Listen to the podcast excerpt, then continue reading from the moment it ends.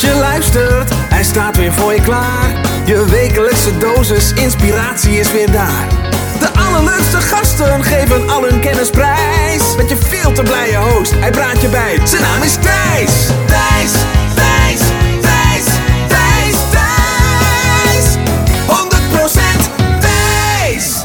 Ja, welkom. Het is maandagochtend. Ga ik even voor het gemak vanuit dat jij gewoon netjes op maandagochtend meteen die podcast-app aan eh, zwaffelt om de nieuwe episode van deze podcast te checken.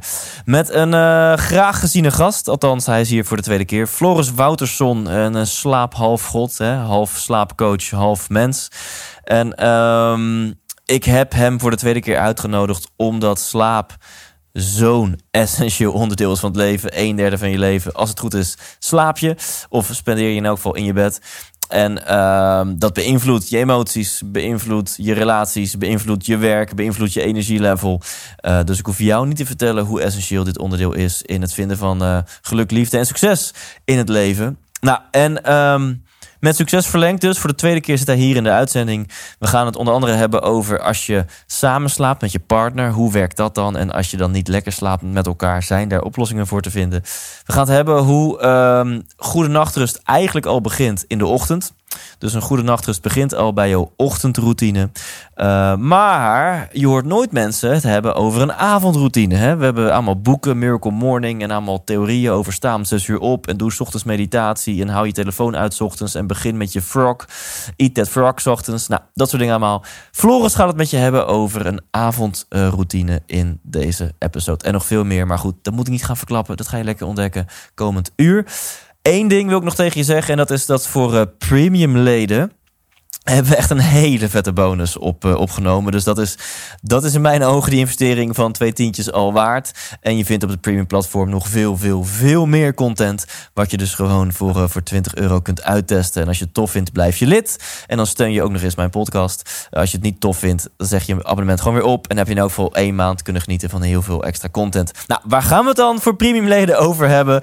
Over hoe je een jetlag uh, kunt voorkomen. Je kan gewoon een jetlag voorkomen door een paar dingen anders te doen. En hoe je ervoor kunt zorgen dat jij na een avondje stappen en zuipen en laat in je bed uh, terechtkomen, toch de volgende dag ervoor kunt zorgen dat je in je ritme blijft. Daar is een heel smerig trucje voor, waardoor je eigenlijk je biologische klok een beetje fopt, waardoor je lekker lang kan slapen, maar toch in je ritme blijft. Nou, die twee lijken mij de investering van het premium lidmaatschap waard. Dus check ikwilpremium.nl als je daar uh, interesse in hebt. Voor nu gewoon voor de rest van Nederland, voor iedereen. Hier is Floris Wouterson. 100% Thijs! Ja, dit, uh, dit is hem. V2 ja. met Floris Wouterson. Superslapen 2.0. Ja, vorige keer uh, toen uh, zat ik op mijn hotelkamer in, in Rotterdam Klopt. in te bellen. Ja. En jij was nou thuis. Ja, thuis ja. In, in België. Klopt. Waar jij woonachtig bent. Ja. En interviews goed beluisterd. Sowieso uh, interviews over een specifiek onderwerp. Uh, relaties, spiritualiteit, productiviteit, uh, slaap. Die gaan gewoon heel erg goed. Yes. Dus mijn luisteraar houdt van, van concrete... Van goed slapen. Ja, van goed slapen en van concrete tips. Leuk. Dus we gaan, we gaan het gewoon dunnetjes overdoen. Ja. En nu met nog betere geluidskwaliteit. Check. En dan weer de vraag aan jou, Floris. Wat wil je worden als je later groot bent? Nou ja, goed. die vraag heb je de vorige keer ook al een keertje gesteld. Uh, toen ik uh, jong was, wilde ik graag kok worden. Ja. Uh, maar uiteindelijk is dat er niet van geworden. Ik heb een paar omzwervingen gemaakt. Ja. en uiteindelijk ben ik nu slaap performance coach, zoals ik mezelf noem. En ik moet zeggen dat dat iets is waarvan anderen over mij zeggen dat als ik slaap, dan droom ik nog over slaap. Dus het is echt ja, iets ja, waar ik heel erg. en hoe, uh, laat ik dan maar gewoon persoonlijk worden. Hoe, hoe slaap jij de laatste tijd? Ik slaap uh, de laatste tijd weer goed. Ik moet heel eerlijk zeggen dat bij het begin van corona, dat was in maart dit jaar. Toen werd in België de lockdown effectief. En wij hebben twee slaapadviescentra in Antwerpen. En die moesten dus dicht. Dus we hadden zes medewerkers. En je vaste last en alles loopt gewoon door. Uh, die twee, drie weken na die beslissing heb ik echt niet goed geslapen. Dus ja. dat was echt ook situationeel uh, bepaald. We hebben dan gelukkig die tijd aangewend om plannen te maken. Wat kunnen we doen als we weer open mogen? Ja. Dat is goed uitgepakt, dus dat is heel erg uh, fijn. Maar in die tijd was ik best wel, had ik veel, zoals ik dat zelf noem, cortisol momentjes. Ja. Dus een spike in je fight and flight. Uh, en dat zorgt ervoor dat je gewoon niet goed slaapt. Ja. Dus uh, en dat geldt denk ik voor andere mensen net zoals voor mij. Maar in de regel, eh, als ik mijn tracker erbij pak, die natuurlijk niet zaligmakend is, op een schaal van 1 uh, tot uh, 5, dan zit ik meestal ongeveer op 3,9 à 4 wat ik haal. Dus qua diepslaap en remslaap zit ik op dat punt ja. inmiddels goed. Ja. ja. En is dat sowieso niet een dingetje als het. Ja, het is jouw beroep bezig zijn met slaap. Klopt. Zelfs je droomt nog over slaap. Ja, klopt. Dat zeggen je vrienden. Ehm, ik kan me voor, wat ik zelf heel erg merk, en de luisteraar waarschijnlijk ook, hoe Mhm. meer focus ik erop ga leggen, Ja. ik zal en moet goed slapen. Ja. dan ga je in je bed liggen. Ik Ja. moet goed slapen, ik moet, Klopt. en dan lukt het dus niet. Klopt, maar, ik kan me voorstellen, bij jou als soort van beroeps, beroepsdeformatie, Mhm. Dat, dat, dat, dat het soms ook een averechts effect kan hebben. Klopt. Omdat je van jezelf vindt, of nou, ik heb een heel tijdje van mezelf gevonden dat ik altijd gelukkig moet zijn. Weet Mhm. je wel? Omdat Ja. ik die geluks guy Ja. ben. Klopt. Hoe is dat bij jou? Nou, ik, ik denk dat er bij tijd en wijle is dat wel eh, zo. Dan lees ik een iets, iets nieuws en dan denk ik dat ga ik uitproberen. En dan komt de focus zo op dat nieuwe ding te liggen. Ik zal een voorbeeld geven. Dat is denk ik nu een jaar of vijf, 2016, een jaar vier geleden. Toen kwam eh, het boek uit van eh, Patrick McCown. Ik weet niet of je die man kent, van de Oxygen Advantage. Ja. En de man is zeg maar echt een, een, een, een pro op het vlak van eh, ademhaling. En hoe belangrijk ademhaling ook is in relatie tot sport en sportprestaties. Maar hij heeft ook een aantal dingen aangehaald in zijn boek met betrekking tot slaap. En een daarvan was dat je dus eh, s s'nachts niet met open mond eh, moet slapen. Nou, daar ben ik daar eens op gaan letten. En toen merkte ik dat ik best wel vaak een droge mond had. Dus dat is een bewijs van dat je wel met open mond slaapt. En daar heb ik dan op een gegeven moment heel erg de focus op eh, gelegd. En dan ben je inderdaad meer bezig met iets anders dan puur met Ja. eh, gewoon lekker slapen. En Ja. gewoon loslaten en je eraan overgeven. Dus ik ken dat wel heel, eh, heel degelijk. dat dat gewoon averechts werkt. En ehm, het is heel mooi wat je nu trouwens ook zegt. Hè, want het accepteren dat je niet goed slaapt is eigenlijk al een heel groot deel van de oplossing. Dat is voor heel veel mensen vaak een beetje een moeilijk te verteren iets. Maar daar begint het wel. En er is ook een, eh, een boek geschreven ehm, door een ervaringsdeskundige ook in dit geval. En dat boek heette The Effortless Sleep Solution. En dat boek is eigenlijk niks anders dan dat die persoon schrijft. Accepteer het gewoon dat je niet goed slaapt. Want dat is deel of eigenlijk de grootste oplossing van dat je weer goed gaat slapen. Mhm. En de mensen die in die problematiek zitten van slaapproblemen, die vinden dat in het begin heel erg moeilijk te accepteren. Dat ze het gewoon moeten accepteren. Maar wat we vaak gaan doen, we gaan op zoek naar oplossingen. Eh, ik noem het wat eh, in etherische oliën of eerder naar bed of eh, bepaalde meditatie en dat soort dingen allemaal meer. Maar ehm, hoe ik dat zelf altijd een beetje noem, dat is misschien niet zo flatteus hoe ik dat nu formuleer, maar ik noem dat een beetje de speen van volwassenen. Dat is een slaappil in feite ook. Ja.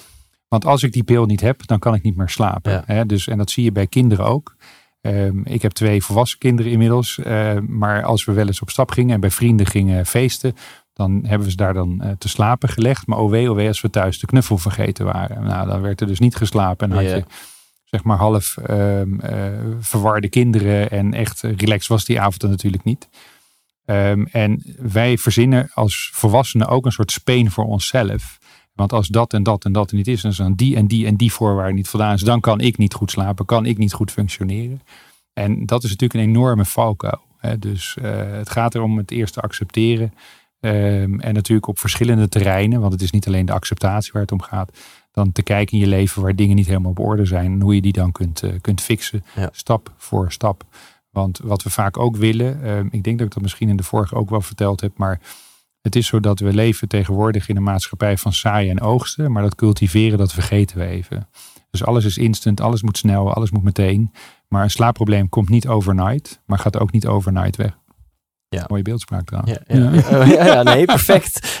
De luisteraar pinkt een uh, traantje weg, uh. Dat denk ik ook hoor. En, en, en ja, poëtische podcast. Absoluut. Um, en dan toch nog even over jou. Ik zeg, nou, je hebt een periode gehad dat je heel erg ging focussen op dat je met mond open ja. sliep. Dat ja. was niet bevorderlijk. Nee. Maar bijvoorbeeld vanochtend heb je nog twee uur lang een webinar gegeven Ja, aan studenten klopt. over slapen. We Klopt. zitten nu in deze podcast. Gaan we het een uur lang over slapen hebben. En dan vanavond lig je in je eigen bedje. Eh, Heb je dan wel eens dat, je- dat je dan heel erg bezig bent ook met... Ja, te obsessief bezig bent met je eigen nachtrust. Omdat het je, je, je dagtaak is geworden. Nou, nee, ik, ik kan dat heel goed scheiden. Ik kan het ook heel goed eh, loslaten. Eh, situationeel, zoals ik al zei, nu begin COVID had ik er wel echt heel erg last van. Als ik dan een nieuwe impuls krijg van iets wat me echt heel erg bezighoudt, zoals dat eh slapen met open mond. En daar dan iets aan gaan doen en dat je daar heel op gefocust bent, daar heb ik echt zeker last van. Maar zo'n dag als vandaag merk ik wel dat als ik terugkom, dat ik langer de tijd nodig heb om zeg maar mijn energielevel naar beneden te, te Ja. halen. En meestal ga ik dan eerst nog wat lezen. Of in ieder geval even rustig zitten beneden in de woonkamer. Dat soort dingen allemaal meer. En dan ga ik op een gegeven moment rustig weliswaar eh, later dan normaal naar boven. En dan ga ik eh, mijn mandje in. Of soms is het zo dat ik zo moe ben van alle energy die ik erin gestoken heb. Dat gewoon mijn lichaam zegt nu in coma, nu slapen. Ja. En dan kan ik nog niet eens één pagina omslaan en dan ben ik alweer eh, vertrokken. Maar het obsessief ermee bezig zijn heb ik wel een tijd gehad. Eh, toen ik nog eh, in mijn vorige leven zeg maar als bankier onderweg was. Ehm, maar dat is echt al heel lang geleden. Ik Ja. denk dat het ook een beetje een proces is van ervaring en de zaken goed kunnen scheiden. Dus ehm, Ja. ja. dat denk En ik wel. eh, ik, ik ga zelf gewoon heel vaak op de stip liggen in het interview. Ja, eigenlijk is deze podcast een soort, soort van therapie altijd voor mij, die ik dan maar gewoon uitzend. Ja. Kunnen Is andere dat mensen. Ja, dat is perfect. Ja, waarom niet? als, je, als je dat je beroep kan Ja, is dat gewoon is prima. toch geweldig?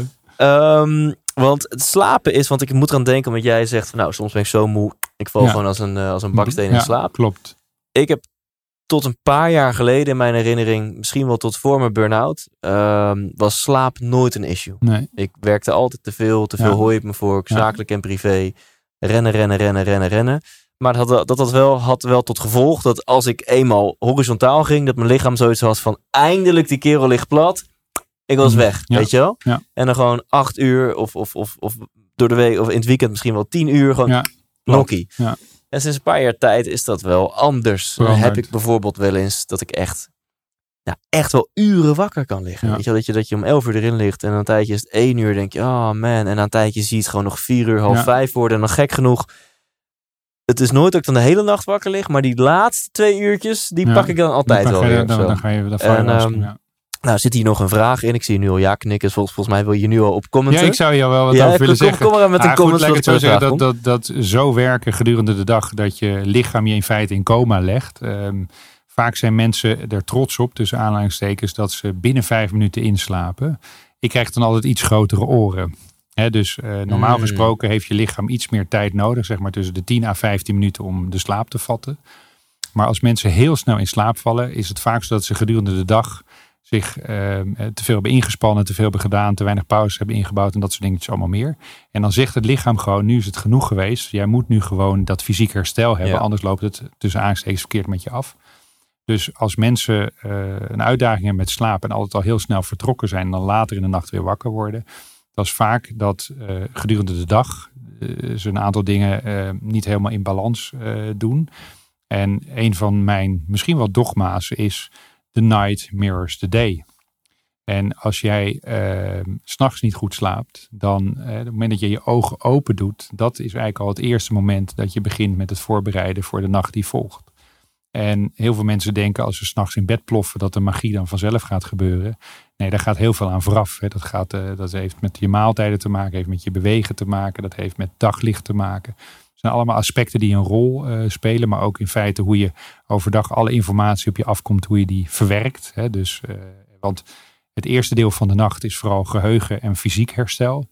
En eh, de eerste vier uur van de nacht wordt vooral heel veel ja, schoonmaakwerk in je hersenen gedaan. Hè. Dus, en als jij zoveel prikkels hebt binnengekregen gedurende de dag, dat de thalamus, dat is eigenlijk onze prikkelpoort in onze hersenen, die moet s'nachts dicht. En eh, het grappige is zelf, er is ook, eh, dat is ook een geregistreerde slaapafwijking. Als die poort niet goed dicht gaat, dan zou je zelfs je dromen kunnen gaan uitvoeren, letterlijk. Hè? Dus dat zou je eigenlijk niet willen. Eh, ze noemen dat ook wel bijvoorbeeld eh somnambulisme. Slaapwandelen is daar een heel goed voorbeeld van. Mensen lopen rond, ze liggen weer in bed, maar Ja. ze weten er eigenlijk helemaal niks van. Ehm, maar in dit geval is het zo, als die prikkelpoort niet goed dicht gaat, Ja. dan komt er één kleine gedachte naar binnen en boem, je bent vertrokken. En eh, waar gaat het dus om? Als jij niet aan een goede dagafbouw hebt gedaan, dan gaat die poort niet goed dicht.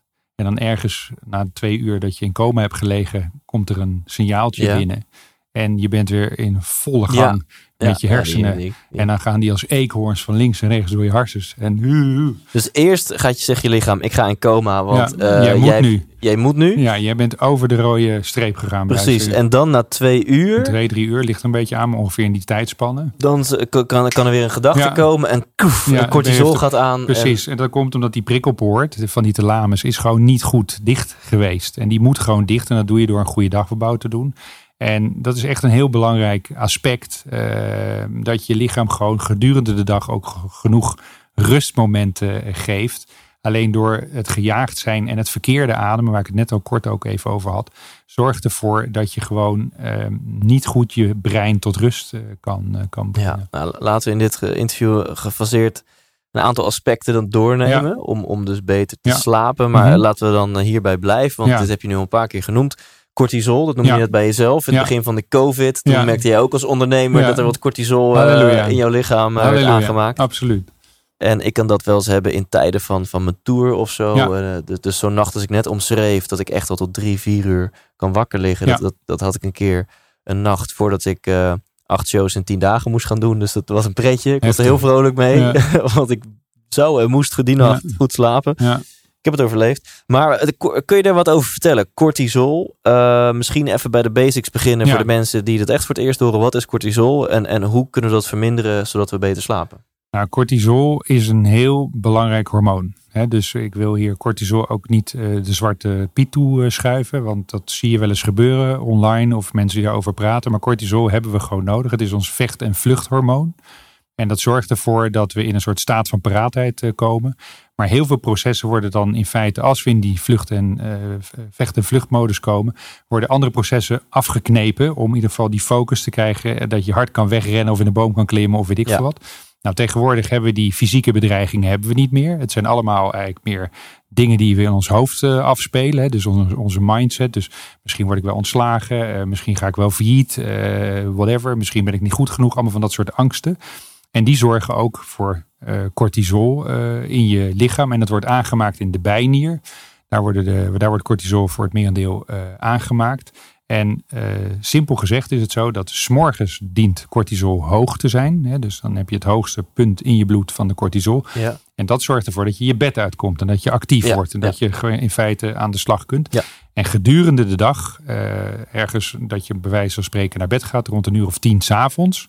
Wat een normaal net beduur zou zijn. Uh, dan moet dat op het laagste punt zijn. Want cortisol is de tegenhanger van melatonine. En Ja. melatonine is zeg maar niet ons slaaphormoon, maar het hormoon dat de slaap uitlokt. Dus is een eff- estafette schot.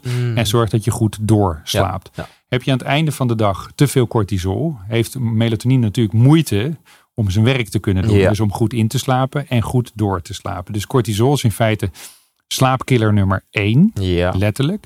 Maar wat doen wij om het cortisol lekker te voeden? Eén heb ik al genoemd, is stress, in welke vorm dan ook. En dan vaak geïmagineerde, die we onszelf aandoen. Natuurlijk als jij ehm, heel hard moet remmen omdat iemand eh, in het verkeer niet heeft opgelet. Dat is dan niet, niet wat jij zelf uitlokt, maar is ook een dik stressmoment. moment.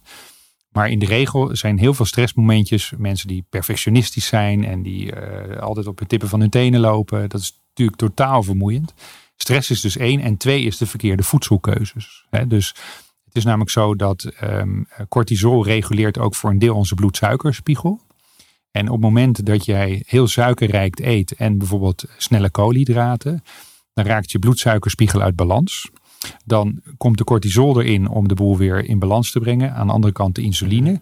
En daardoor heb je door de verkeerde voedselkeuzes, dus die snacks en die energy drinks en de Red Bulls en hoe ze allemaal heten mogen, zorgen dus voor dat aan het einde van de dag daardoor ook je cortisolniveau te hoog is. En daardoor heb je weer moeite met inslapen en met doorslapen. Ja. Dat is eigenlijk zeg maar even in een nutshell. Ja, en ik Ehm, kun je ook, want dit is denk ik eh, logisch dat, dat eh, nou, blikjes Red Bull slecht zijn voor je cortisol. Eh, maar kun je ook wat, wat, wat specifiek zeggen, wel, welk type voeding is dan eh cortisol verlagend?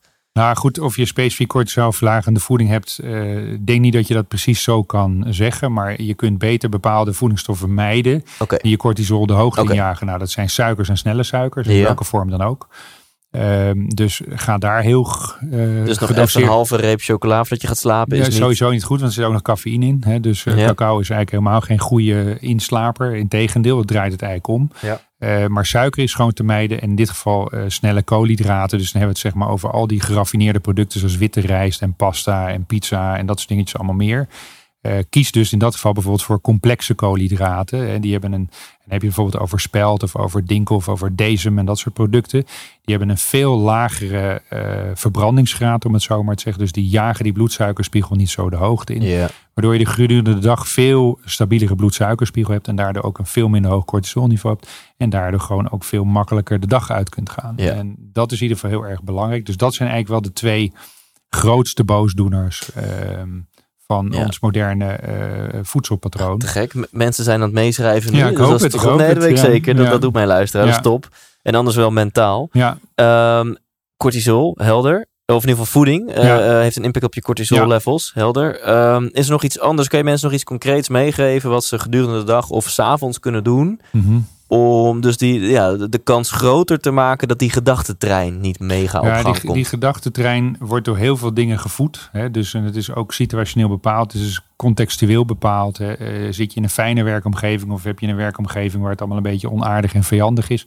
Stel, je bent een schadeafhandelaar eh, en jij moet elke dag eh, mensen spreken die een aanrijding hebben gehad en jij moet gaan beoordelen wie wat moet betalen. Ik denk dat niet dat het een hele leuke job is, weet je. Dus Ja. ik denk dat je daar aan het eind van de dag best wel pittig uit eh, naar huis komt, bij wijze van spreken. Of je bent misschien een toponderhandelaar of whatever. Dus het is ook wel situationeel bepaald. Gedachtentrein eh, rustig krijgen is absoluut nummer één ademhaling.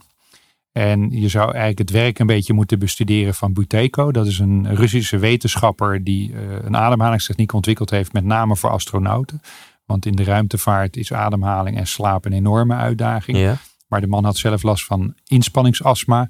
En eh, zijn werk is echt baanbrekend. Eh, en ik werk ook met eh, technieken van hem. Het is heel waardevol om je ademhaling te vertragen en te stoppen met hyperventileren. Want ik denk dat meer dan 50, misschien wel 60 procent, maar de exacte getallen weten we niet. zijn mensen die hyperventileren. Dus let er maar eens op gedurende een dag hoe vaak je door je mond ademt. En hoe je overdag ademt. Adem je meestal ook s'nachts. Zit je hoog in de borst. En dat zorgt voor allerlei stressreacties. Dus dat moet je niet doen. En ook weer fight and flight. Cortisol speelt er ook weer een rol. Als je in de stress komt, ga je door je mond ademen. En ga je hè, eh, korter ademen en korter ademiger eh, Ja. worden. Mensen zie je vaak met een droge mond. En je merkt ook vaak wel aan mensen of ze zenuwachtig zijn Ja. of, eh, of niet. Maar ademhaling, zeker ook bijvoorbeeld als je s'nachts wakker wordt en je kunt je ademhaling vertragen en naar je diafragma, dus lage ademhaling brengen. Dan help je, de men, help jezelf enorm om je geest tot rust te brengen. Maar heb jij een geïrriteerde geest, zoals dat noemt, en dat gebeurt al ergens overdag. Het kan zijn dat je vlucht vertraagt, zodat die rottige trein niet kwam, dat je ruzie met je vriendin had of weet ik wat. Het zijn allemaal dingen die gedurende de dag kunnen gebeuren. Met ademhaling kun je je geest heel erg goed tot rust brengen. Als je dat op de juiste manier doet. En wat vaak, en dat, ja, wat ik wel een beetje vind, is dat, eh, en niemand eh, ten nadele van, maar diep ademhalen is eerst belangrijk dat een keer te definiëren wat is dan diep ademhaling. Maar de meeste mensen nemen te veel zuurstof tot zich. En dat, maakt, dat werkt averechts. Ehm, je moet dus zorgen dat de verhouding koolstofdioxide en zuurstof dat die goed is in je lichaam. En dat bepaalt voor een heel groot gedeelte of je je gestrest voelt of niet. Dus dat is in ieder geval al Ja, dus oppervlakkig ademhalen Ja. is niet goed, veelal door je mond. klopt. Maar, Maar te diep. en te dus als- veel. Ja, ja, dus dit is gewoon Ja. absoluut niet Ja, goed. ja, en dat, dat, is- dat hebben heel veel mensen dan het idee dat is een diepe ademhaling. Oh. Maar dat is helemaal geen diepe ademhaling. Want daarmee verbruik je veel te veel koolstofdioxide.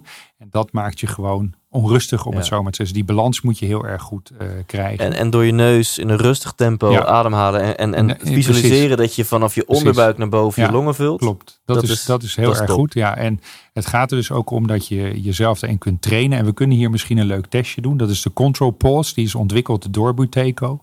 En mensen kunnen dan voor zichzelf bepalen of ze ehm, qua ademhaling goed zitten. En qua uithoudingsvermogen op dat punt goed zitten. En ik zal het even heel kort Ja, eh, maar ik, voordoen. ik wil die test wel doen hoor. Dus daarom, nou, we kunnen het met z'n samen even doen. Dus je, ik doe dan zo dadelijk even mijn mond dicht. Dus dan praat ik even niet. Maar je ademt dus via je neus even rustig in. Maar ja. en dan gewoon op een normale eh, eh, lichte ademhaling doe je. Haal je hem in.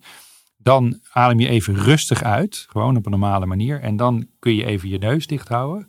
En dit is geen sport in de zin van eh, hoe lang je je adem in kunt houden. Het gaat er puur om hoe lang kun jij zeg maar eh, dit dichtknijpen. eh, zonder, of totdat de eerste nieuwe ademhalingsimpuls Ja, komt. Ja, dus en dat noemen ze de control pulse. Dat heeft die Buteco ontwikkeld, zeg maar. Dus het is niet uit mijn koker, laat dat helder zijn. En ehm, dan, als we, dan kunnen we even de stopwatch Ja, hoor, erbij ja. pakken. En als we dat dan gedaan hebben, dan ga ik jou vertellen waar je qua minimum zou moeten zitten. En eh, als dat niet zo is, dan kun je programma's volgen. Eh, en ik heb er ook een aantal in mijn eigen trainings- en masterclass, waar ik mensen dat ook leer, om die console pulse te verlengen. En daarmee ga je dus veel Ja. bewuster en heb je ook veel minder stress eh, Ja. overdag. En voor de mensen die thuis eens meedoen, we gaan door ons neus gaan we gewoon rustig inademen één keer, En dan rustig uit. En als alle adem uit is, Ja. dan knijp je neus dicht, dicht. en dan wacht je tot de eerste ademimpuls en die gaan we timen. Ja. Dus ik heb hier een stopwatch. dus dat gaan we dan doen. Gaan we dus. eh, wil jij hem hier zien of zal ik hem zo even Ik, ik vertrouw jou helemaal. ik weet niet of het handig is, maar Nou, ik weet het ook niet, maar laten we er maar vanuit gaan dat het goed is. Ehm, en dan gaan we gewoon eh, eh, starten. Dus op het moment dat jij pincht, dan druk ik Ja. op, op deze. Ja. dan gaan we dat even doen. Dus we zitten gewoon rustig en ontspannen. Het beste is ook een upright position. Dus dat je rechtop Ja. zit en rustig en ontspannen. En dan gaan we rustig in. En dan hou ik nu even op met praten. Rustig uit en dan we pinch. Dus we knijpen even de neus dicht. 1, 2,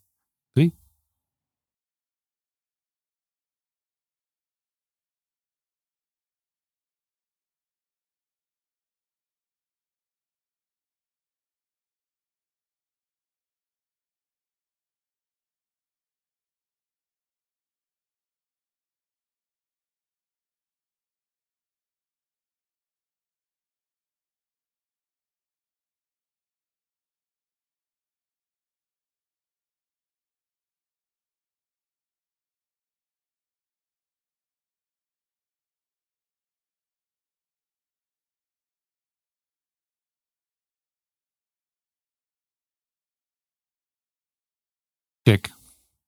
Nou, complimenten. dankjewel. Hoeveel seconden denk je dat je dit had? Nou, ik, ik doe wel vrij vaak ook die Wim Hof. Ik weet niet of dat Ja. iets uitmaakt. Dus een iets andere type van ademhaling ook. Ja, ja. Dus ik wilde nu ook heel eerlijk zijn naar wanneer voel ik hem echt Ja. weer. En dat, eh, hoe lang was het? Je hebt volgens mij al wel 20 seconden of zo. Nou, je zat al in de 31. Oh, wauw. En dat is supergoed. Ehm en de meeste mensen halen dat by far niet. Het minimum ligt op 25. En alles wat daar in feite onder zit, ben je in feite al licht aan het hyperventileren. Dus dan neem je eigenlijk al te veel zuurstof in. Ja. En dat Ja. maakt je ook weer onrustiger. En het gebeurt onbewust. Hè? Dus je bent druk, je bent aan het praten, je bent van alles en nog wat aan het doen. En daardoor ben je vaak niet bewust bij je ademhaling. Ja. Maar als je onder de 25 zit en ehm, dat op deze manier heel simpel kunt, eh, kunt meten. Je control pause, zoals die heet, dus eh, hè, van pauze. Controlpauze zou je het eigenlijk letterlijk kunnen vertalen. En je zit onder die 25, dan weet je dat er nog echt verbeterpotentieel is op vlak van je ademhaling. En als je dat onder controle krijgt, bij wijze van spreken, dan ga je je ook veel rustiger voelen. En die techniek kun je dan ook s'nachts gaan toepassen als je wakker wordt. Dan ga je ademhaling vertragen. Je gaat je focus daarop leggen. En dan zul je zien dat je vrij snel weer naar dromenland vertrokken bent. Dus overdag ook waanzinnig om hierop te letten. Ja, Stel, het is zo'n dag en het is niet gelukt. En Ja. s'avonds druk en eten, Ja. pizzaatje naar binnen, Ja. kinderen naar bed, whatever. Maar dan om acht uur denk je, oké, Ja, ik voel me nu niet top. Nee. Maar ik heb nog twee uur om Ja. wat reparatiewerkzaamheden te verrichten. W- Mhm. wat, wat zou je dan mensen kunnen aanraden om tussen 8 en 10 te doen? Om, om, om nou, toch nog zoveel mogelijk cortisol omlaag, melatonine aanmaken. Ja. En dat je om 10 uur maar goed, hopelijk zijn, lekker kan inslapen. het is in feite een avondroutine waar je het min of meer een beetje over hebt. Natuurlijk is het zo wat je overdag ehm, niet gedaan hebt, wat je wel zou hebben moeten doen of omgekeerd. Dat kun je natuurlijk niet in twee uur helemaal repareren. Maar er zijn wel een aantal eh, ankers die je kunt zetten voor jezelf. Ten eerste zet een wekker voordat je naar bed gaat. Hè, dat je weet, nu ga ik gewoon naar bed. En niet nog even bank hangen en die laatste Netflix en dit en dat en bla bla bla. Zorg dat je routine hebt. Wat ik bijvoorbeeld zelf doe na het avondeten.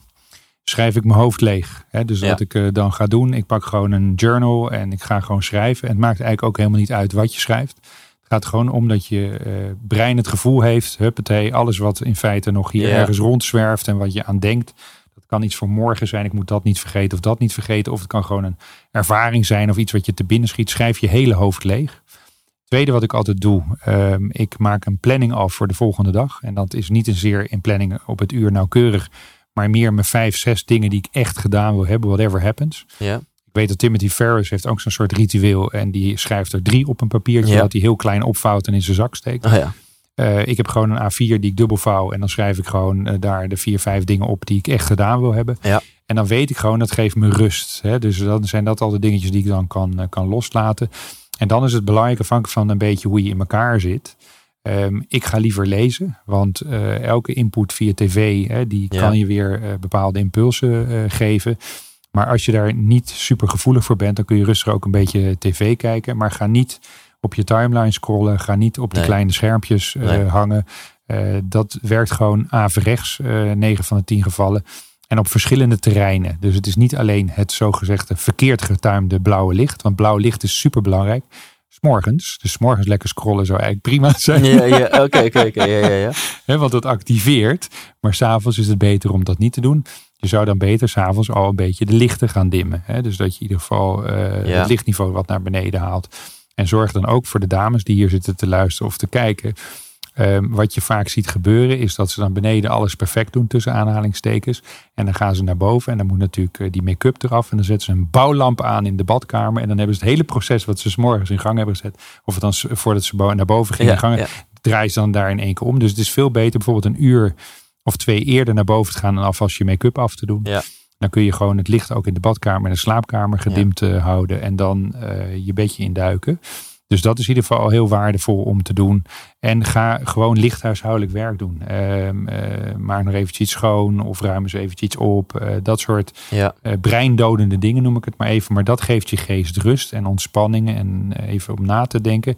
En wat ik net zei over die smartphone. Het eerste is dus het verkeerd getimede blauwe lucht. Ten tweede, door te scrollen over je timeline wordt er ook dopamine vrijgezet. Nou, dat is ook niet een stofje wat je heel erg graag in je lichaam hebt als je s'avonds wil slapen. en een derde uh, aspect, ik had het al over de geïrriteerde geest. Stel, er komt een berichtje binnen van iemand uh, wat je irriteert. Of wat je uit je balans haalt. Of waar Ja. je op dat moment, nou, dan heb je al een derde. Dus dan heb je al drie componenten, potentieel, door alleen maar op dat apparaatje te hangen die je uit je slaap kunnen houden. Ja. Of, uh, dus, dus, dus, dus in feite is de smartphone een van de grootste babyspenen of menselijke volwassenen spenen die we hebben. Uh, en we zijn er inmiddels ook voor. Er zijn ook boeken over geschreven hoe je van je verslaving af kunt uh, Ja. geraken. En ik ben niet tegen smartphones hoor. Integendeel, ik gebruik die zelf ook uh, geregeld. En ik hou me ook niet altijd strikt aan, strikt aan al mijn eigen regels, dus aanhalingstekens. Maar ik heb wel een soort check-out routine. En dan leg ik mijn telefoon in de hoek en dan blijf ik er gewoon ook vanaf, whatever Ja. happens. En ik denk dat iedereen zoiets zou kunnen invoeren voor zichzelf. En ik zie inmiddels ook mensen met dumbphones. Dus die gewoon zo'n oude Nokia, weet ik veel, uh, nemen. Maar verder niks op zit anders dan Snake. Ja, ja, ja, ja, precies. Snake is weer populair Snake is super populair, Ja. dus dat kun je ook Nou, doen. en, en ik ben zo'n gast die vrij radicaal is. Ook omdat ik dus gewoon heel gevoelig ben voor prikkels. Dus je zei net tussen neus en lippen door. Ja, sommige mensen zijn wat gevoeliger dan anderen voor blauw licht. En dat nou, ik ben super gevoelig. Dus ik heb, eh, dat is de meest radicale, geen WhatsApp. Ja.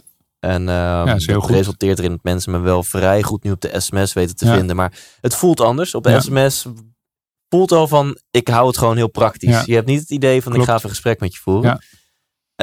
Eh, en ik heb eh, nooit in mijn leven, dus ik mis ook niks, heb ik e-mail op mijn telefoon gehad. Heerlijk. Gewoon vanaf het begin Mhm. dat smartphones er waren, Ja. heb ik gedacht, nou, dat ga ik dus niet doen. Dus dat is ook heerlijk. Een beetje hoe ik ermee omga. Maar sa- samengevat, s'avonds zeg je, één, na het avondeten schrijf jij je hoofd leeg. Dat is gewoon heel fijn voor je onderbewust om het gevoel te hebben van, Klopt. hey, volgens mij kan ik ontspannen, want Ja. hij heeft alles op papier gezet. Juist, klopt. Dat is je brain depot. hè. Daar schrijft ook eh, onze grote vriend Getting Things Done over. Ja. Dus eh, David Allen Leeft Ellen, ja. in zijn boek. eh, daar komt het ook voor mij. Wat al, ik heb het in ieder geval uit dat boek. Your, your head is a crappy office. Exactly. Ja. En als je het gewoon opschrijft, dat is zo fijn. Ja, Dus, schrijf het van je af en vervolgens zou je dan weer die rush opzoeken door je smartphone en zo aan te doen. Dus het beste wat je kunt doen is eh kleine huisha- huishoudelijke Ja. taak of Ja. even wat lezen. En Ja. dat- misschien dat de luisteraar denkt, ja, dat klinkt super saai of kut. Ja. Nou, dan wil ik een quote erbij halen. Alles kan, alles heeft een prijs. Als jij dan nog heel graag s'avonds actief allerlei dingen wil doen, Ja. dat kan. Maar ja, wees er dan bewust van dat dat een prijs kan hebben in je. En nachtrust. zeker langer termijn. Hè? En je had het ook over, over licht. Ja. Ehm, nou, ik haal mijn make-up eh, gewoon twee uur voordat ik slapen af. Dus bij mij Ik gaat ook, dat is mij- ik doe nee, hetzelfde. Precies, het gaat helemaal goed. Ja. Daarna wil mijn liefje me niet meer zien, Nee, maar, precies. eh, maar is klopt. toch... eh, ja, klopt. ja, ja. Ja. En ehm, ik loop dan soms wel met zo'n fucking Bono brilletje. Ja, dat Door, en weet jij waar ik het over heb? Ja. Zo'n oranje brilletje. Klopt. En dat, dat, dat werkt dus Ja. wel echt. En Ja. dames en heren, dat is dus een heel... Kan je echt voor 2 euro bestellen online. Ja. Gewoon een heel het ziet eruit als een soort van bouwvakkersachtig Klopt, oranje klopt. Zo'n veiligheidsbril. lasbril, hè? misschien ook wel. Ja, die, die blauw licht eh, tegenhoudt. Klopt. Maar het is in ieder geval zo. ehm, wij mensen zijn niet gemaakt om zo heel lang naar schermpjes te kijken. En zeker niet op een brandpuntsafstand van minder dan een halve meter. Ja. We hebben eigenlijk een brandpuntsafstand wat veel verder eh, ligt. En wat belangrijk daar is bij te weten, doordat we zoveel op schermpjes zitten, of het dan kleine schermpjes zijn of wat grotere schermen of laptopschermen, dat maakt eigenlijk niet uit. Het vermoeit onze ogen sowieso. Dus het is ook heel erg belangrijk nadat je gewerkt hebt achter een scherm, even weg te lopen, even wat anders doen, even naar buiten gaan dat soort dingetjes allemaal meer. En zo'n bril, die dus zeg maar het blauwe licht wegfiltert uit eh, het spectrum van, van licht. Eh, dat helpt zeker, maar het is niet een wondermiddel. Nee. Dus het verzacht het allemaal wel een beetje. Maar beter is gewoon ervoor te zorgen dat je die input van licht op dat moment van die hoge. eh, en ik schrijf dat overigens ook in mijn boek. Tegenwoordig wordt in de huizen steeds meer LED-verlichting eh, gebracht. En die hebben een vrij hoog lichtspectrum en vooral blauw lichtspectrum. Oh, echt? Ja, dus het is ook wel belangrijk. En Philips is daar nu wel mee bezig om te zorgen dat je dus dat s'nachts ook kunt dimmen en instellen. Dat je s'avonds ook het blauwe licht eruit kunt filteren. Dat vind ik wel een hele goede ontwikkeling. Ja. Ehm, want je denkt, ja, ik eh, spaar geld omdat ik eh, LED-licht heb. dat verbruik minder, dat is ook ja, allemaal waar. Maar het heeft wel een veel hoger spectrum in het blauwe. Ja, ja. Eh, dus dat is wel heel erg eh, belangrijk om daar ook gewoon even aandacht aan te, aan te besteden. En je zei net wat over zet je wekker. Hè? Dat, dat, ehm, Ja. dat is gewoon onwijs belangrijk. Als jij om, maar, maar hoe laat zet je dan je wekker? Dus, dus, want als, als die wekker gaat, dan begint zeg maar je avondroutine.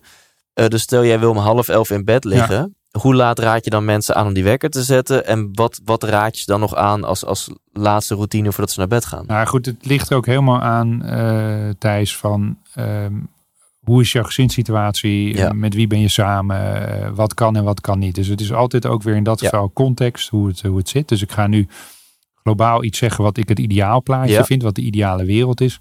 Maar het zou goed zijn een uur tot anderhalf uur voordat je naar bed gaat eigenlijk al te starten met afbouwen. Ja, dus stel half elf je erin, dan Ja. om negen uur gaat je wekker. Ja, dan zou je eigenlijk al moeten gaan starten om gewoon een beetje eh, rustig aan te gaan doen. Het licht een beetje te dimmen en dat soort dingetjes. Al meer te lezen of misschien een beetje televisie te kijken. In ieder geval licht ontspannende dingen. Daar heb ik het eigenlijk vooral over. Je kunt ook babbelen, je kunt iemand bellen. Je kunt, er zijn nog zoveel dingen. Je kunt Ja, een ja, ja. bordspelletje doen, kaarten. Vind ik ook altijd heel erg leuk om te doen. Als, Nou ja, je als je met je partner bent, dan weet ik nog wel wat Oh, je kun, activiteiten. dan kun je ook nog andere dingen verzinnen, inderdaad. Dus dat is in ieder geval heel erg belangrijk. En wat ik dan doe zelf, als ik op een gegeven moment eh, naar bed ga, dan gaan de lichten uiteraard eh, uit. En vervolgens is het zo dat ik nog even de deuren naloop of de sloten dicht zitten. Want slaap is ook voor een heel belangrijk deel veiligheid. En dan ga ik gewoon rustig naar boven. En dan heb ik mijn, ja, mijn uitkleedritueel. En dan eh, kruip ik gewoon mijn bed in. En eh, afhankelijk van hoe ik me voel, lees ik misschien nog één of twee pagina's. Maar meestal ben ik heel snel eh, onder het zeil. Dus, en dan vind ik het ook wel lekker. Maar ik heb een bed. En kan het ook anders. Ehm, ik, ik slaap zelf op een, op, een, op een waterbed. En daar heb ik een fibromassage in zitten. Dus dat is een soort speciale mat. En eh, die, eh, dat is een soort therapeut aan bed, maar dat is natuurlijk niet helemaal waar. En die doe ik dan aan. Heb ik een bepaald programma en die doet dan allerlei vibraties. En dat is heel ontspannend, heel aangenaam. En op een gegeven moment ben ik dan gewoon heerlijk eh, vertrokken. Hè? Dus, maar goed, dat is gewoon een... Het is een bed van 64.000 euro, maar heb je ook nou, wat. dat nog niet zozeer, maar het is gewoon iets wat ik heel erg aangenaam vind. En wat je ook heel makkelijk en goed doet te ontspannen. Maar het is alleen mogelijk in dit geval met een waterbed. En daar moet je ook voor zijn. Daar is niet iedereen voor. Maar dat is heerlijk. En dan ben ik gewoon lekker in dromenland. En, eh, en het bed eh, hebben we altijd al opengelegd. Hè? Dus alles als je naar je slaapkamer toe komt, is alles gewoon lekker. En dan, eh, ik verheug me echt op mijn bed. Dat is ook wel heel erg belangrijk. Ja, ja. Dat je er zin in hebt om lekker in je mandje in te kruipen. ja, dat heb je volgens mij vorige keer gezegd. Er is een verschil tussen moe zijn. En, En slaperig zijn. Ja, Ja. klopt. klopt. Een heel groot verschil trouwens.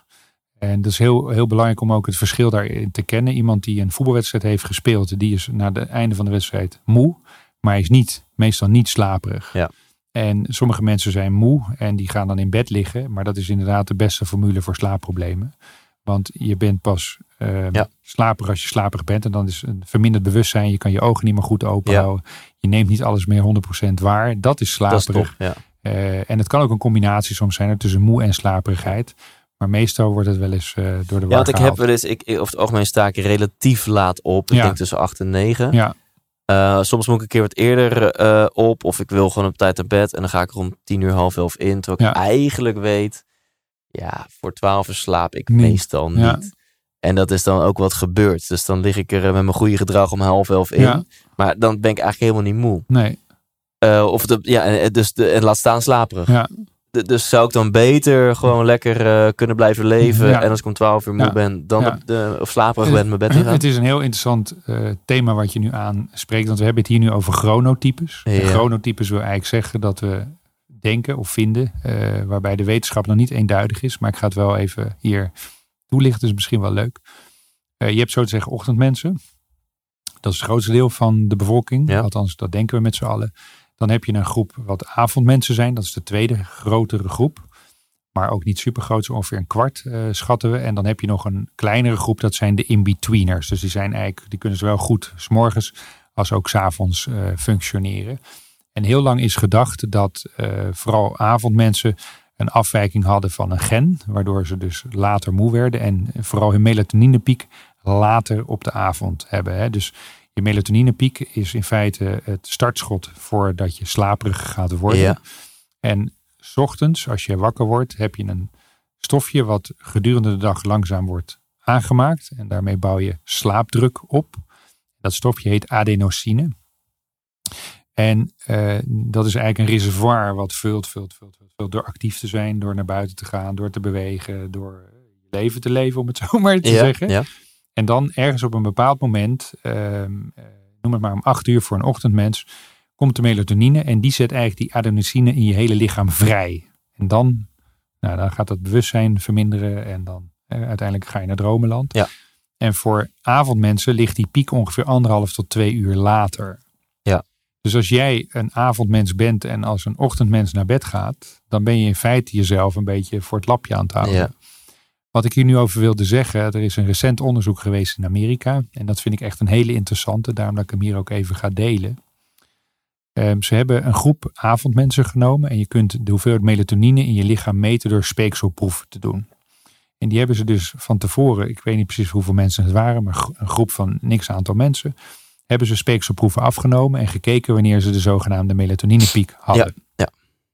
En die mensen waren inderdaad allemaal, wetenschappelijk dan, hè, naar de test, allemaal avondmensen. Ze hadden een melatoninepiek pas om een uur of tien, half elf s'avonds. En ongeveer een anderhalf uur later, twee uur later, dan gaan ze pas Ja. onder zeil. Goed, die groep hadden ze. Daar zijn ze mee naar de middle the middle of nowhere gegaan. In een, op een campingplek. Ja. Geen kunstlicht. Ja. Strakke eh slaaphygiëneregels, dus regelmaat. Geen koffie, geen alcohol, geen lichtvervuiling.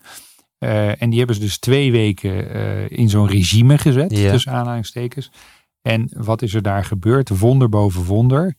Is die, eh, dat chronotype eigenlijk naar ochtendmens verschoven. Dus ze hadden allemaal moeite om een gegeven moment om een uur of half tien, tien nog hun ogen open te houden. En gingen onder het zeil.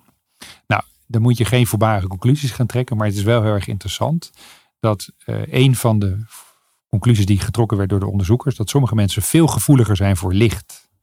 Waardoor dat circadiaan ritme verschuift. Ja. Naar later op de avond. Dus door kunstlicht als zodanig. En ten tweede dat gewoon slechte slaaphygiëneregels. Hè, dus dat wil zeggen hoe laat sta je op, hoe laat ga je naar bed, wat drink je wel, wat drink je niet. Dus hè, de night mirrors Ja. the day. Dat dat de tweede factor is eh, waardoor mensen uiteindelijk veel later pas. Hè. Dus als je heel veel koffie drinkt bijvoorbeeld. Of veel koffiehoudende dranken drinkt. Of veel chocola eet, Ja. waar we het net ook over, of groene thee. Dan is het dus zo dat ehm, je, eh, je brein voortdurend het gevecht aan het voeren is met de koffie en de neurotransmitters die eigenlijk hun werk zouden moeten doen, maar Ja. hun werk niet goed kunnen Ja. doen, Ja. waardoor dingen verschuiven en veranderen. Dus eh, wat dat er gaat, is het best wel interessant dat zou je jezelf op een wat strikter regime zetten en beter met licht omgaan, zou het best wel eens kunnen zijn dat je gewoon makkelijker en wat eerder naar bed kan gaan. Dus als je zo'n Maar het is maar een aanname, hè? Ja. dus we moeten dit soort conclusies een beetje precies, voorzichtig maar zijn. gebaseerd uit dit onderzoek zou je kunnen zeggen dat mensen die zo eigenwijs zijn als ik, die Ja. zeggen, nou, ik kan gewoon niet eh, voor elf in slaap komen. Bijvoorbeeld. Als ik mijn, eh, mijn, mijn Ja. voeding aanpas Ja. en ik zorg ervoor dat ik geen kunstmatig, vrij lastig in, dit, in deze wereld, maar goed, Ja, kunstlicht. minder kunstmatig licht Ja. heb, dan, dan zou ik waarschijnlijk eh, na twee weken prima om half Ja. tien... Dat zou je theoretisch, dus Ja. ja. zeg maar half tien, tussen half tien en half elf Ja. zou je onder het zeil kunnen. Dat maakt dit onderzoek duidelijk inderdaad. En het gaat er ook om, het is ook voor een deel een beetje mindset. Hè. Eh, Sommige mensen hebben het idee dat ze avondmensen zijn.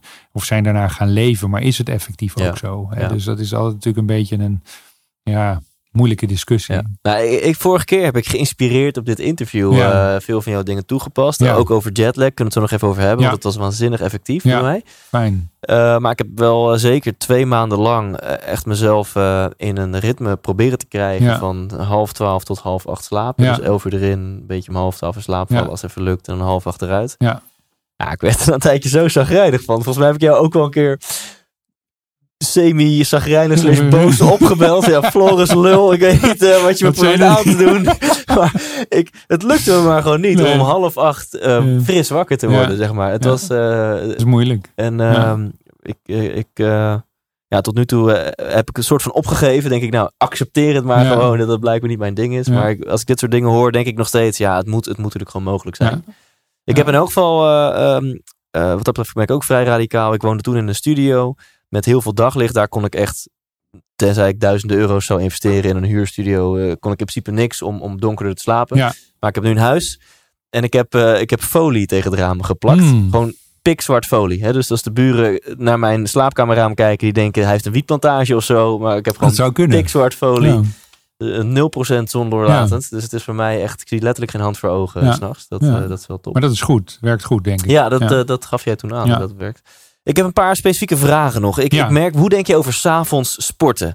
Ik merk dus bij mezelf, als ik s'avonds echt even een flink potje krachttraining doe, saunaatje erachteraan, dan voel ik me helemaal lekker zen. Ja. Ach, heerlijk slaperig in mijn lijf, maar ik slaap voor geen flikker. Nee, nee, Is goed. dat toeval of, of Nee, is daar een verband? Dat is absoluut een verband. Hè? Want al die hormonen, dus de hormonale respons, zeg maar, is goed, maar op het verkeerde moment van de dag.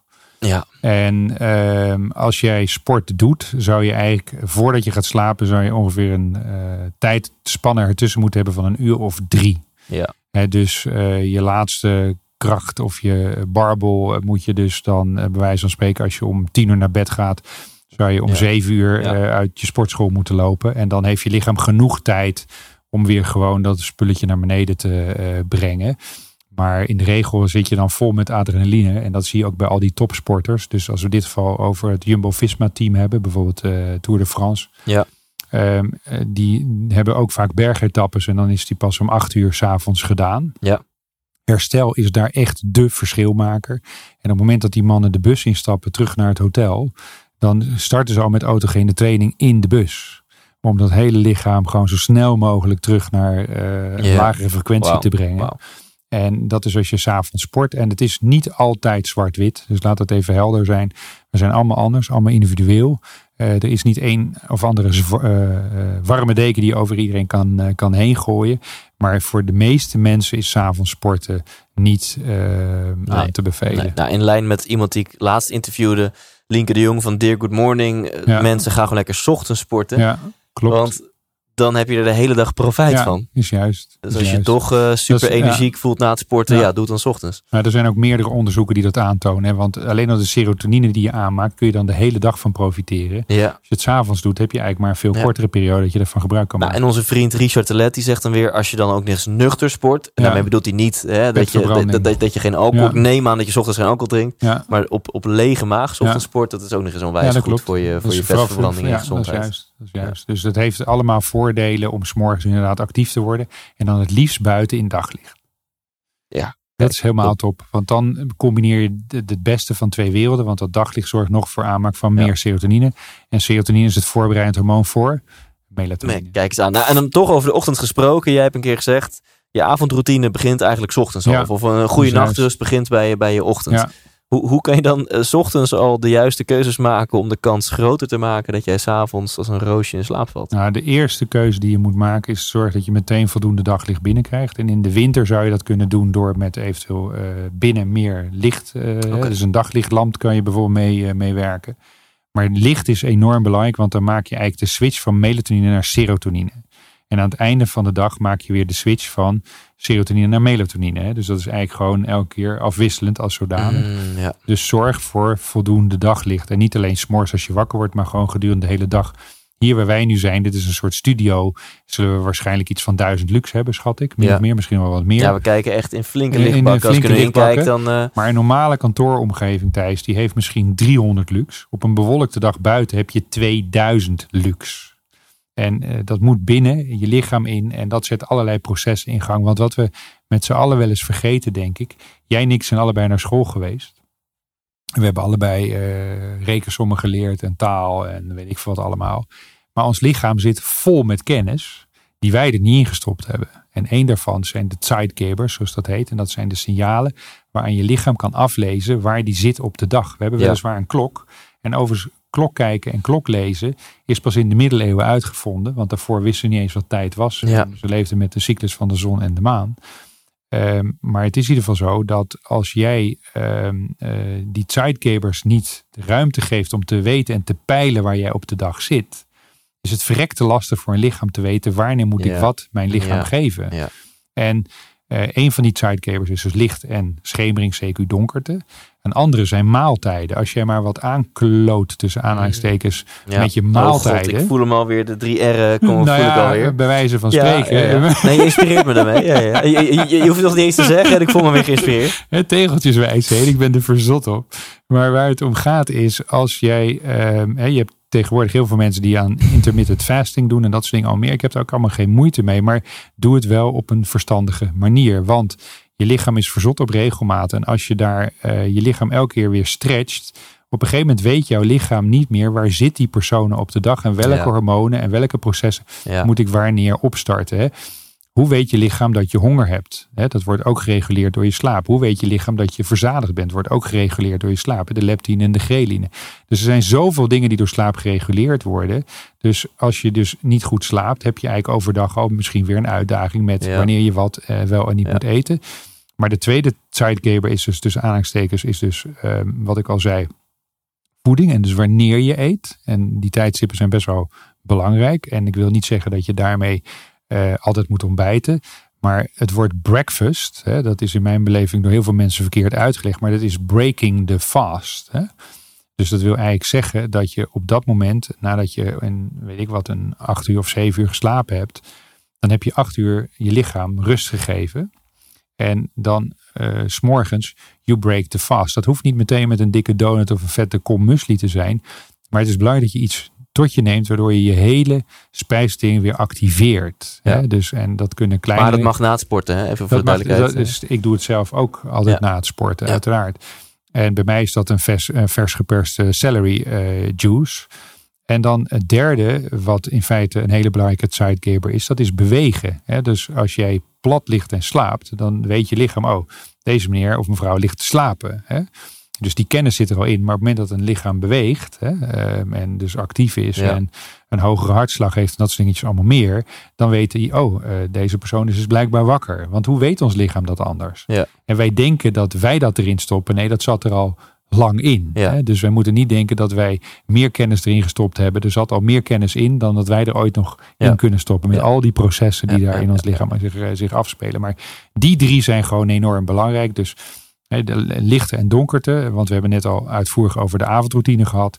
Eh, ten tweede is het dan voeding en wanneer je eet. En ten derde is dat dan de beweging. En daaraan weet je lichaam dat je in modus A of in modus B bent. Ja, en welke concrete tip kun je dan toevoegen aan beweging? Nou, beweging is wat jij zegt. Als ik s morgens wakker word, ook het eerste wat ik in feite doe, ik neem een groot glas water. Hè, dus dat ik mijn hele boel opstart. Eh, vaak nog met een beetje gember als het kan, of eventueel met uh, citroen. Ja. En dan doe ik mijn loopschoenen aan, dan ben ik gewoon weg. Ja, top. En dan ga ik gewoon meestal ongeveer een half uur hardlopen. Dat is in mijn tempo ongeveer een vijf kilometer. En dat doe ik gewoon voor de, voor de leuk. Ik doe dat niet omdat het moet of whatever. Uh, en ik hoef ook niet al die endurance uh, dingen te doen. Dan mag iedereen uh, dat verkorten over volgens mij ook je leven. maar dat even in het midden gelaten. En dan kom ik terug. Dan heb ik een vers geperste biologische celery juice die ik neem. En dan ga ik me lekker douchen en kleed ik me om. En dan neem ik een ontbijtje. en dan neem ik een ontbijtje die ervoor zorgt dat mijn bloedsuikerspiegel mooi stabiel blijft. Ja, top. Ja, en ik, wat, wat bij mij toch wel heel erg dan ook blijft hangen hier is, is regelmaat. Want bij mij is het nu best onregelmatig. Dus als ik nu echt voor mezelf zoiets heb van ik wil beter slapen. Ja, dan, dan heeft het gewoon zin dat mijn lichaam gewoon weet. Oké, nou die gast die gaat om acht uur uit zijn bed. Die doet dan even wat push-ups en wat meditatiedingetjes. en om negen uur ramt hij er gewoon een bakje uh, havermout in. Zoiets. En om één uur ramt hij er een lunch in. En om zes, uur, weet je wel. Klopt. En dat nu, uh, nu, nu is dat best wel onregelmatig hoe laat ik eruit ga. Hoe laat ik ontbijt, wat ik ontbijt en of ik überhaupt ontbijt. Precies. Dus dan. Uh, kijk, en nogmaals, hè, het moet geen obsessie worden. Hè. We zijn gewoon mensen en uh, vergeet ook niet uh, te leven. En dan vooral intens te leven. Kijk, kijk, kijk. kijk. hey, die is belangrijk. Nee, maar waar het gewoon om gaat is je hebt ook wel eens een avond dat je gewoon lekker doortrekt, een feestje hebt met vrienden. Uh, en dan wordt het misschien een keer twee of drie uur s'nachts. Dat is gewoon helemaal prima ook, weet je. Dus ook hier weer is het gewoon uh, te leven. Dat, dat, is, dat is echt een heel belangrijk element.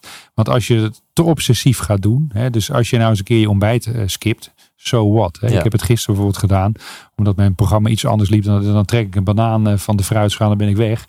Uh, dus dan eet ik wel iets, maar ik heb niet mijn normale uh, ja. afloop uh, gehad. Want we hadden een waterschade waar ik naartoe moest. Dus die ja. loodgieter kon dus meteen hup erachteraan. ja, en dan skip ik gewoon dat even. En dat is gewoon live. Maar laat ik het zomaar zeggen. Als we een week hebben van zeven dagen. Tracht dan in ieder geval zeker vijf van de zeven. Min of meer dat ritme erin te houden. Hè? Dus, en nogmaals, ons brein is verzot op regelmaat. Ja. Ja, dus. en dat is een mooi linkje naar het laatste onderwerp wat ik nog even aan wil stippen dan. Nou, ik ben net weer kerstvers uh, verliefd. Ja, cool. Op een dame waarmee ik met jou een keer nog uh, en jouw vrouw een dubbeldate ja, heb gehad. Klopt, nog in het prille, prille stadium. Ja. Um, ja, en dat is precies wat je zegt. Geniet ook van het leven. Dat is natuurlijk heel verleidelijk. Op de dagen dat je geen verplichtingen hebt. Om lekker lang op bed te blijven liggen. Um, nou, en wat wij meemaken, misschien dat andere stelletjes dat merken. Of, of, of, of als je mm -hmm. vrijgezel bent, dat je dat merkt met een nieuwe man of dame die je dan wel eens uh, die je ontmoet. Of waar je iets mee wil gaan opbouwen of whatever. Ja. Samen slapen. Ja, uh, een nieuwe uitdaging. Ja, ik, ik merk dat, dat, dat, dat, dat wij dat uh, best wel lastig ja. nog vinden. Ja. Uh, dus laat ik hem gewoon maar zo open stellen. Heb je tips om, om beter mm. samen te slapen? Ja. Want ik heb nu nog het idee dat ik in mijn eentje veel dieper en beter slaap dan ja. wanneer ik uh, met mijn meisje nou, slaap. Het is absoluut een feit. Hè? Dus uh, als je alleen slaapt en je hebt je eigen biotoopje, uh, slaap je ook gewoon beter en vaster, voor zover die regelmaat er weer in zit. Ehm, dus het is in ieder geval zo dat vaak ook bij ouders met jonge kinderen, adviseer ik ze ook altijd. Um, Eén, die is dan zeg maar de nachtwaker. En die moet er gewoon dan maar een paar keer uit. En eh, dan mag de ander gewoon een aparte kamer gewoon zijn rust pakken en gewoon slapen. En doe dat gewoon ook. Dat heeft niks te maken dat dat asociaal is of whatever. Maar dan kan de een in ieder geval optanken, bijtanken, uh, bijslapen en dat soort dingen allemaal meer. Terwijl de ander dan gewoon even het vuile werk doet tussen aanhalingstekens. Maar dat is een veel verstandigere beslissing om te nemen dan dat je allebei geradbraakt morgens wakker wordt en eigenlijk niet eens meer weet hoe je van voor of van achter heet. Ja. Want dat kan echt heel erg uitdagend zijn. Dus het is geen schande en het zou ook geen taboe mogen zijn dat iemand af en toe op een aparte of een andere kamer gaat slapen. Ja. Want uiteindelijk is slaap uh, het levenselixer. Als je niet goed slaapt, voel je je belabberd. Je kunt niet performen. Je hebt concentratieproblemen. Je bent licht ontvlambaar. Je bent weet ik veel, je hebt allerlei uh, nevenwerkingen, zeg maar, of bijwerkingen die vaak voor je omgeving niet prettig zijn en voor jezelf ook niet prettig zijn. Dus dat is één. Geldt ook in dit, dit soort situaties, waar we hebben over snurken. Uh, dat is natuurlijk ook een, een, een behoorlijk dingetje. Uh, als je naast een partner ligt die het huis in twee zaagt. Um, daar vind ik het ook legitiem voor zover die partner er of niks aan wil doen of niks aan kan doen. Om daar ook gewoon heldere afspraken ja. met elkaar over te maken. Want het is no life. En voor mij is het geen taboe om dat uit elkaar uh, te trekken. Het is misschien minder cozy, het is misschien minder gezellig, het is misschien minder intiem, dat geloof ik dan wel. Zul je daar met elkaar andere afspraken over moeten maken. Maar het is gewoon niet te doen. Dus zorg dat je een andere ruimte hebt waar je lekker kan slapen, ja. waar je de omstandigheden ook ideaal voor jezelf creëert. Dat is één. Dan, als we teruggaan even naar de ideale wereld. Hè? Dus je slaapt wel met jezelfde partner op één kamer. Ja, en er is geen sprake van kids of snurken. Precies. Dan gaan we er gewoon even vanuit dat je bed voldoende groot is. dus ga niet in een 1,40 liggen. Uh, 1,60 is echt maar het minimum. Maar 1,80 is sowieso al veel prettig. Dus 1,80 meter breed en dan afhankelijk van je lengte 2 meter lang. Dus dat is in ieder geval al belangrijk. Dat je allebei voldoende plek hebt om je te bewegen en om uh, te slapen. Dat is in ieder geval alvast uh, één. En dan is het in ieder geval zo dat het ook een beetje in dit geval weer gewenning is. Dus dat je naarmate je langer in een relatie zit en er geen uh, nevengeluiden zijn, om het zo maar te zeggen, uh, dat je beter gaat slapen. Je kunt nog een stap verder gaan. Dat doen ze in Duitsland en Oostenrijk heel erg veel. Wij hier in Nederland en zeker ook België slapen graag onder één groot dekbed. En dat kan ook storend zijn. Je ziet af en toe van die grappige filmpjes op YouTube of weet ik welke kanalen. En dan zit de een en de andere de hele tijd heen en weer uh, te trekken. Een tweede aspect daarbij is ook de een te warm, de ander te koud. Hè. Dus dat is ook altijd zo'n uh, situatie waar je wel tegenaan loopt. Ehm, dat kun je op twee manieren oplossen. Of je gaat allebei naar één individueel dekbed. Dus gaan we weer naar een stukje individualisering uh, toe, waardoor je daar vanaf bent. In Duitsland is dat heel normaal, is dat geen taboe. En in uh, Oostenrijk bijvoorbeeld ook, en in Zwitserland ook. Maar bijvoorbeeld hier is dat anders. Uh, of je kiest in dit geval als warmte en koude een discussie kan zijn. Vaak hebben de heren het te warm en de dames te koud. Ehm, dan kun je beter af en toe erover nadenken om met een geit of met een kameel in bed te duiken. En die heb ik denk ik ook al een keer verteld. Je kunt het ook in mijn boek uiteraard teruglezen. Ja. Maar kameelharen dekbedden en kashmirgeiten die leven in hele barre omstandigheden. Heel koud, heel warm. Dus overdag kan het plus 40 zijn en s'nachts kan het min 10 zijn. En dat is een vezel die van nature de temperatuur regelt. Dus het wordt warmer en het wordt kouder.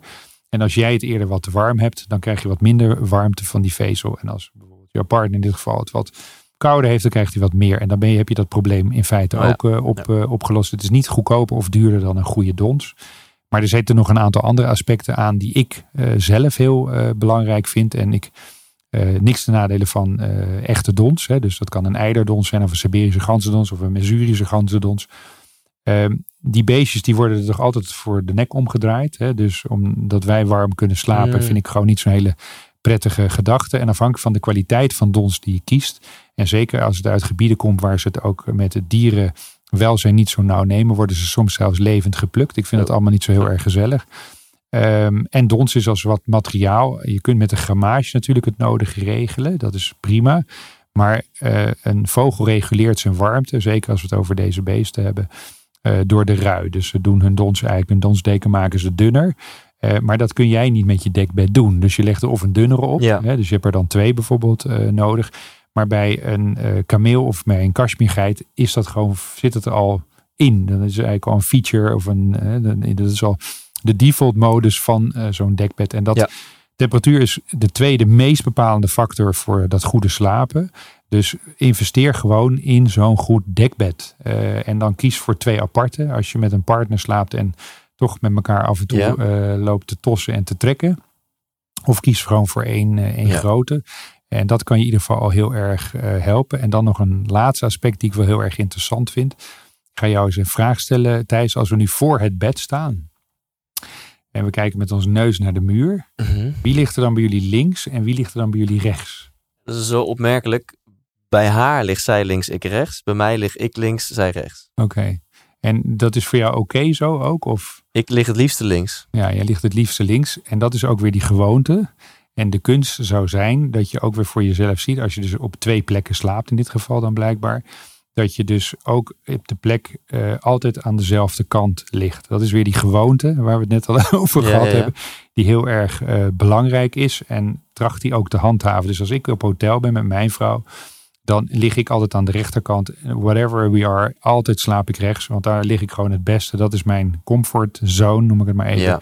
En dat zou voor jou denk ik ook een, een toegevoegde waarde zijn. Dat ja, moet je dan met elkaar We uh, moeten even ruzie gaan maken. Ja, Ja. wie weet, wie weet. Dus je, je hebt een aantal niet zo romantische oplossingen. De minst romantische oplossing is gewoon gaan in een andere kamer Ja. slapen. Klopt. Je kan een ander dekbed nemen. Ja. Je kan allebei een eigen deken nemen. Eh, nou, de, de- de deken van, wat zijn nu, Kashmir? Ja, kashmirgeiten, dus Ja. dat komt uit de Himalaya en uit Peru komen de echte Ja. kashmirgeiten of kameelhaar. Dat zijn de twee mooiste. Eh, en zoals je weet in onze slaapadviescentra kunnen we mensen ook bij adviseren. Ja. Eh, maar dat zijn echt de mooiste en dan ook van een goede kwaliteit. En eh, dat is een investering. Ik slaap inmiddels denk ik al 14, 15 jaar onder kamelen. Ik vind het zalig en ik zou ook nooit meer anders willen. Ja. Ja. En, en dan nog een laatste persoonlijk vraagje.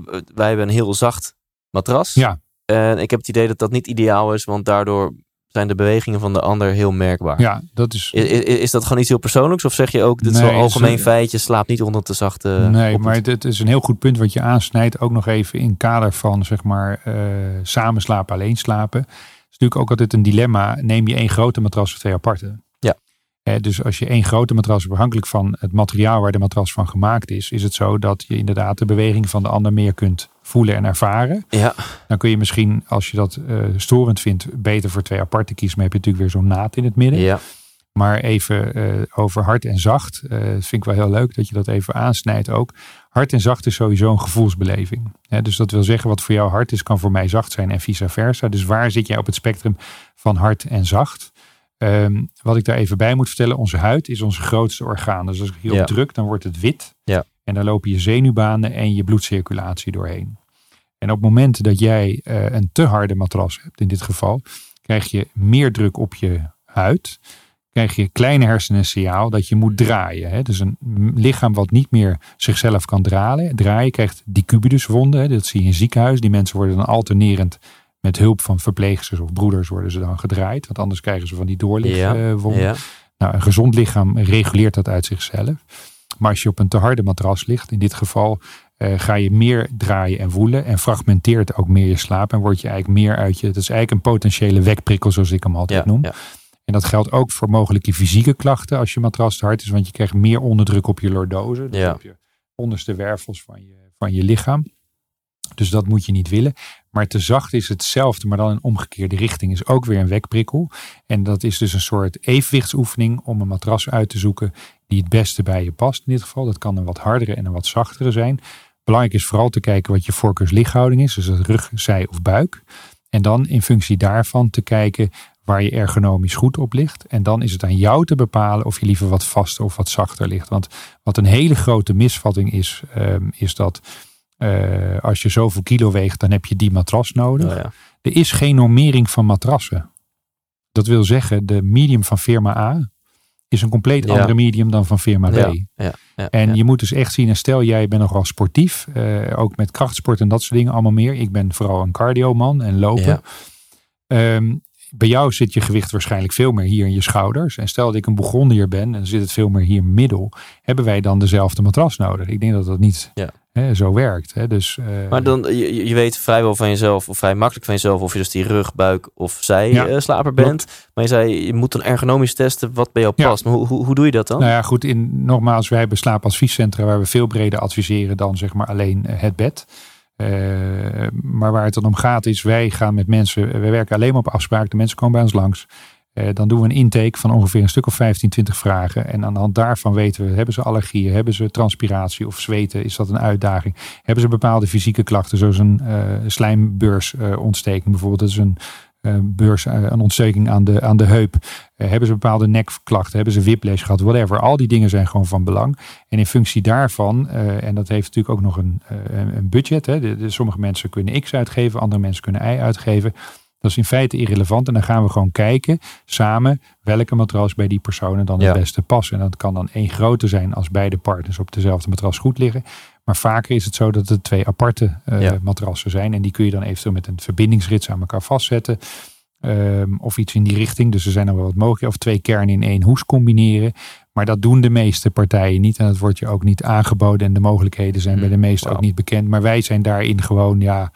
Ja. eh, wij zijn, eh, laat ik het maar, misschien is het niet zo'n mooi woord. Maar mijn vrouw en ik zijn echt, hè, Natasja en ik zijn echte freaks op het Ja, vlak van ja. slaap. Nou, maar er mag best een beetje promo gedaan worden. En dan Ja. pak ik ook de slaapdetoxen erbij. Ja. Maar eh, Sleepwise, als je geïnspireerd bent nu. Als je denkt, ja, fuck it. Ik wil echt investeren Ja. in een goede nachtrust.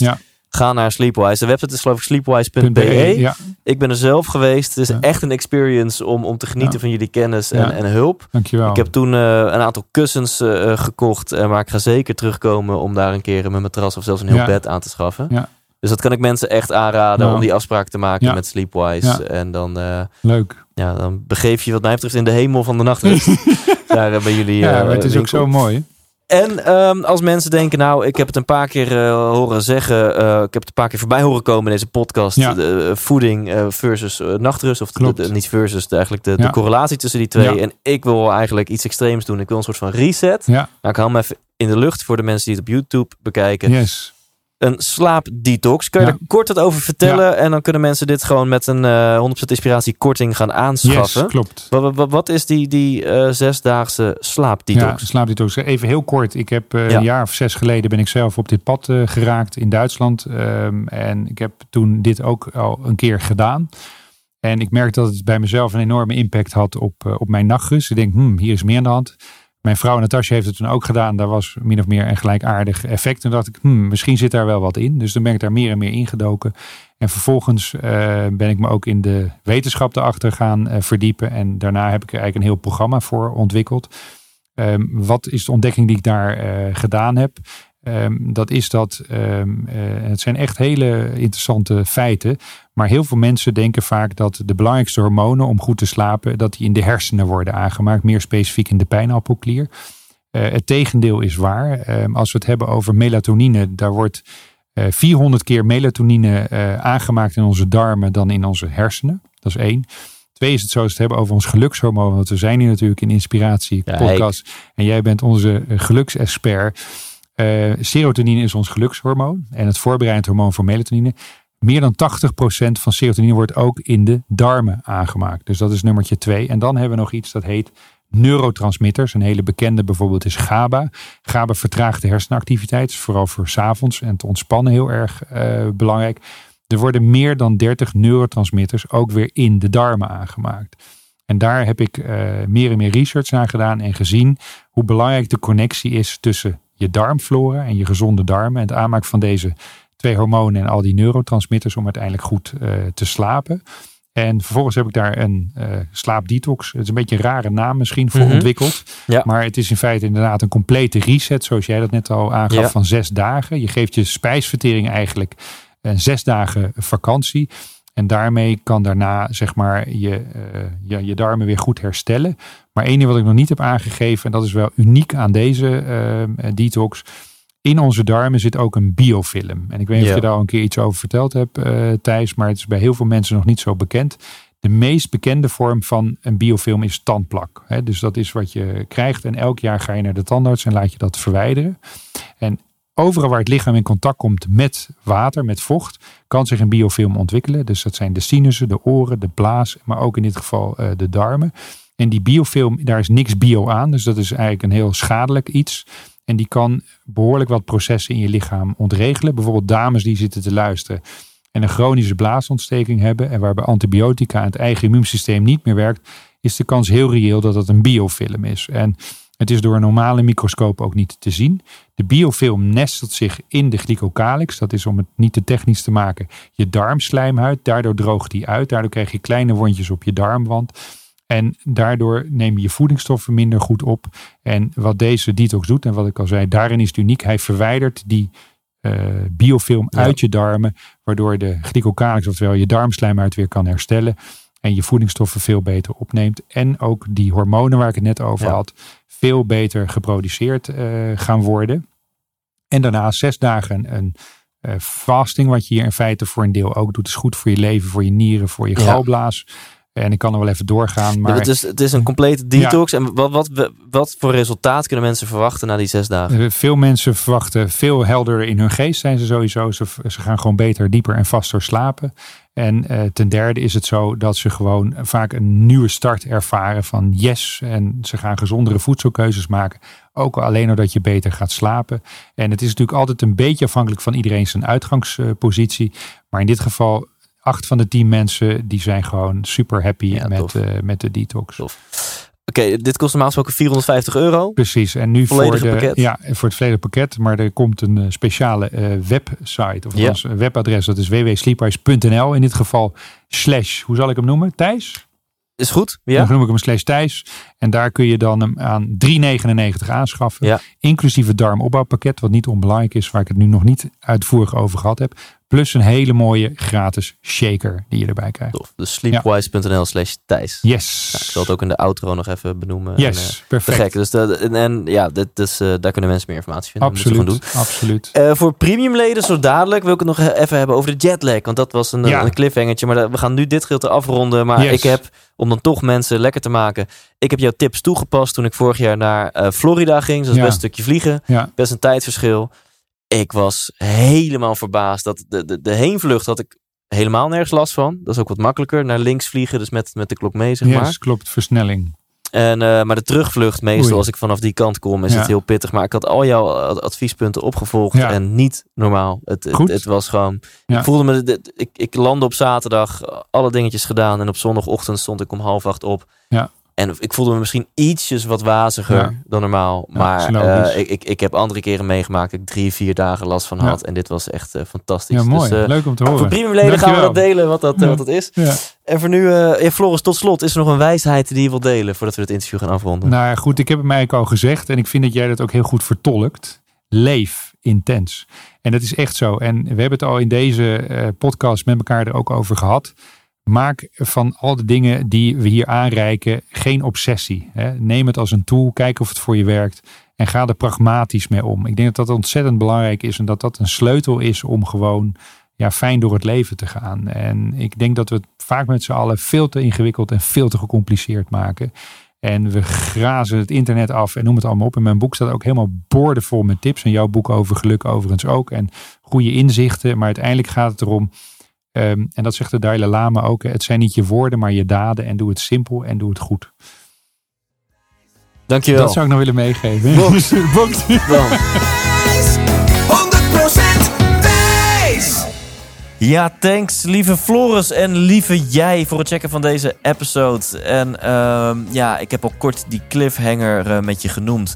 Hoe heb ik het nou voor elkaar gekregen dat ik een jetlag heb voorkomen met tips van Floris en Floris doet er nog een schepje bovenop. In het premium gedeelte vertelt hij ook hoe jij in het weekend, als je uit bent geweest, jouw biologische klok een beetje kan foppen. Zodat je nog steeds langer kan blijven liggen.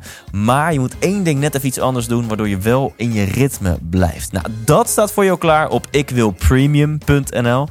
Um, en heb jij interesse in de slaapdetox, wat eigenlijk veel meer is dan een slaapdetox, dus een complete darmdetox? Um, check dan Um, sleepwise.nl slash Thijs. Sleepwise, dus S-L-E-E-P-W-I-S-E. E, sleepwise.nl slash Thijs. Nou, T-H-I-E-S. En daar kun je dat voor 399 euro aanschaffen in plaats van 450 euro. Dus dat lijkt me gewoon een hele super goede, dikke deal. Um, bedankt voor het luisteren. Tot volgende week. Leef intens.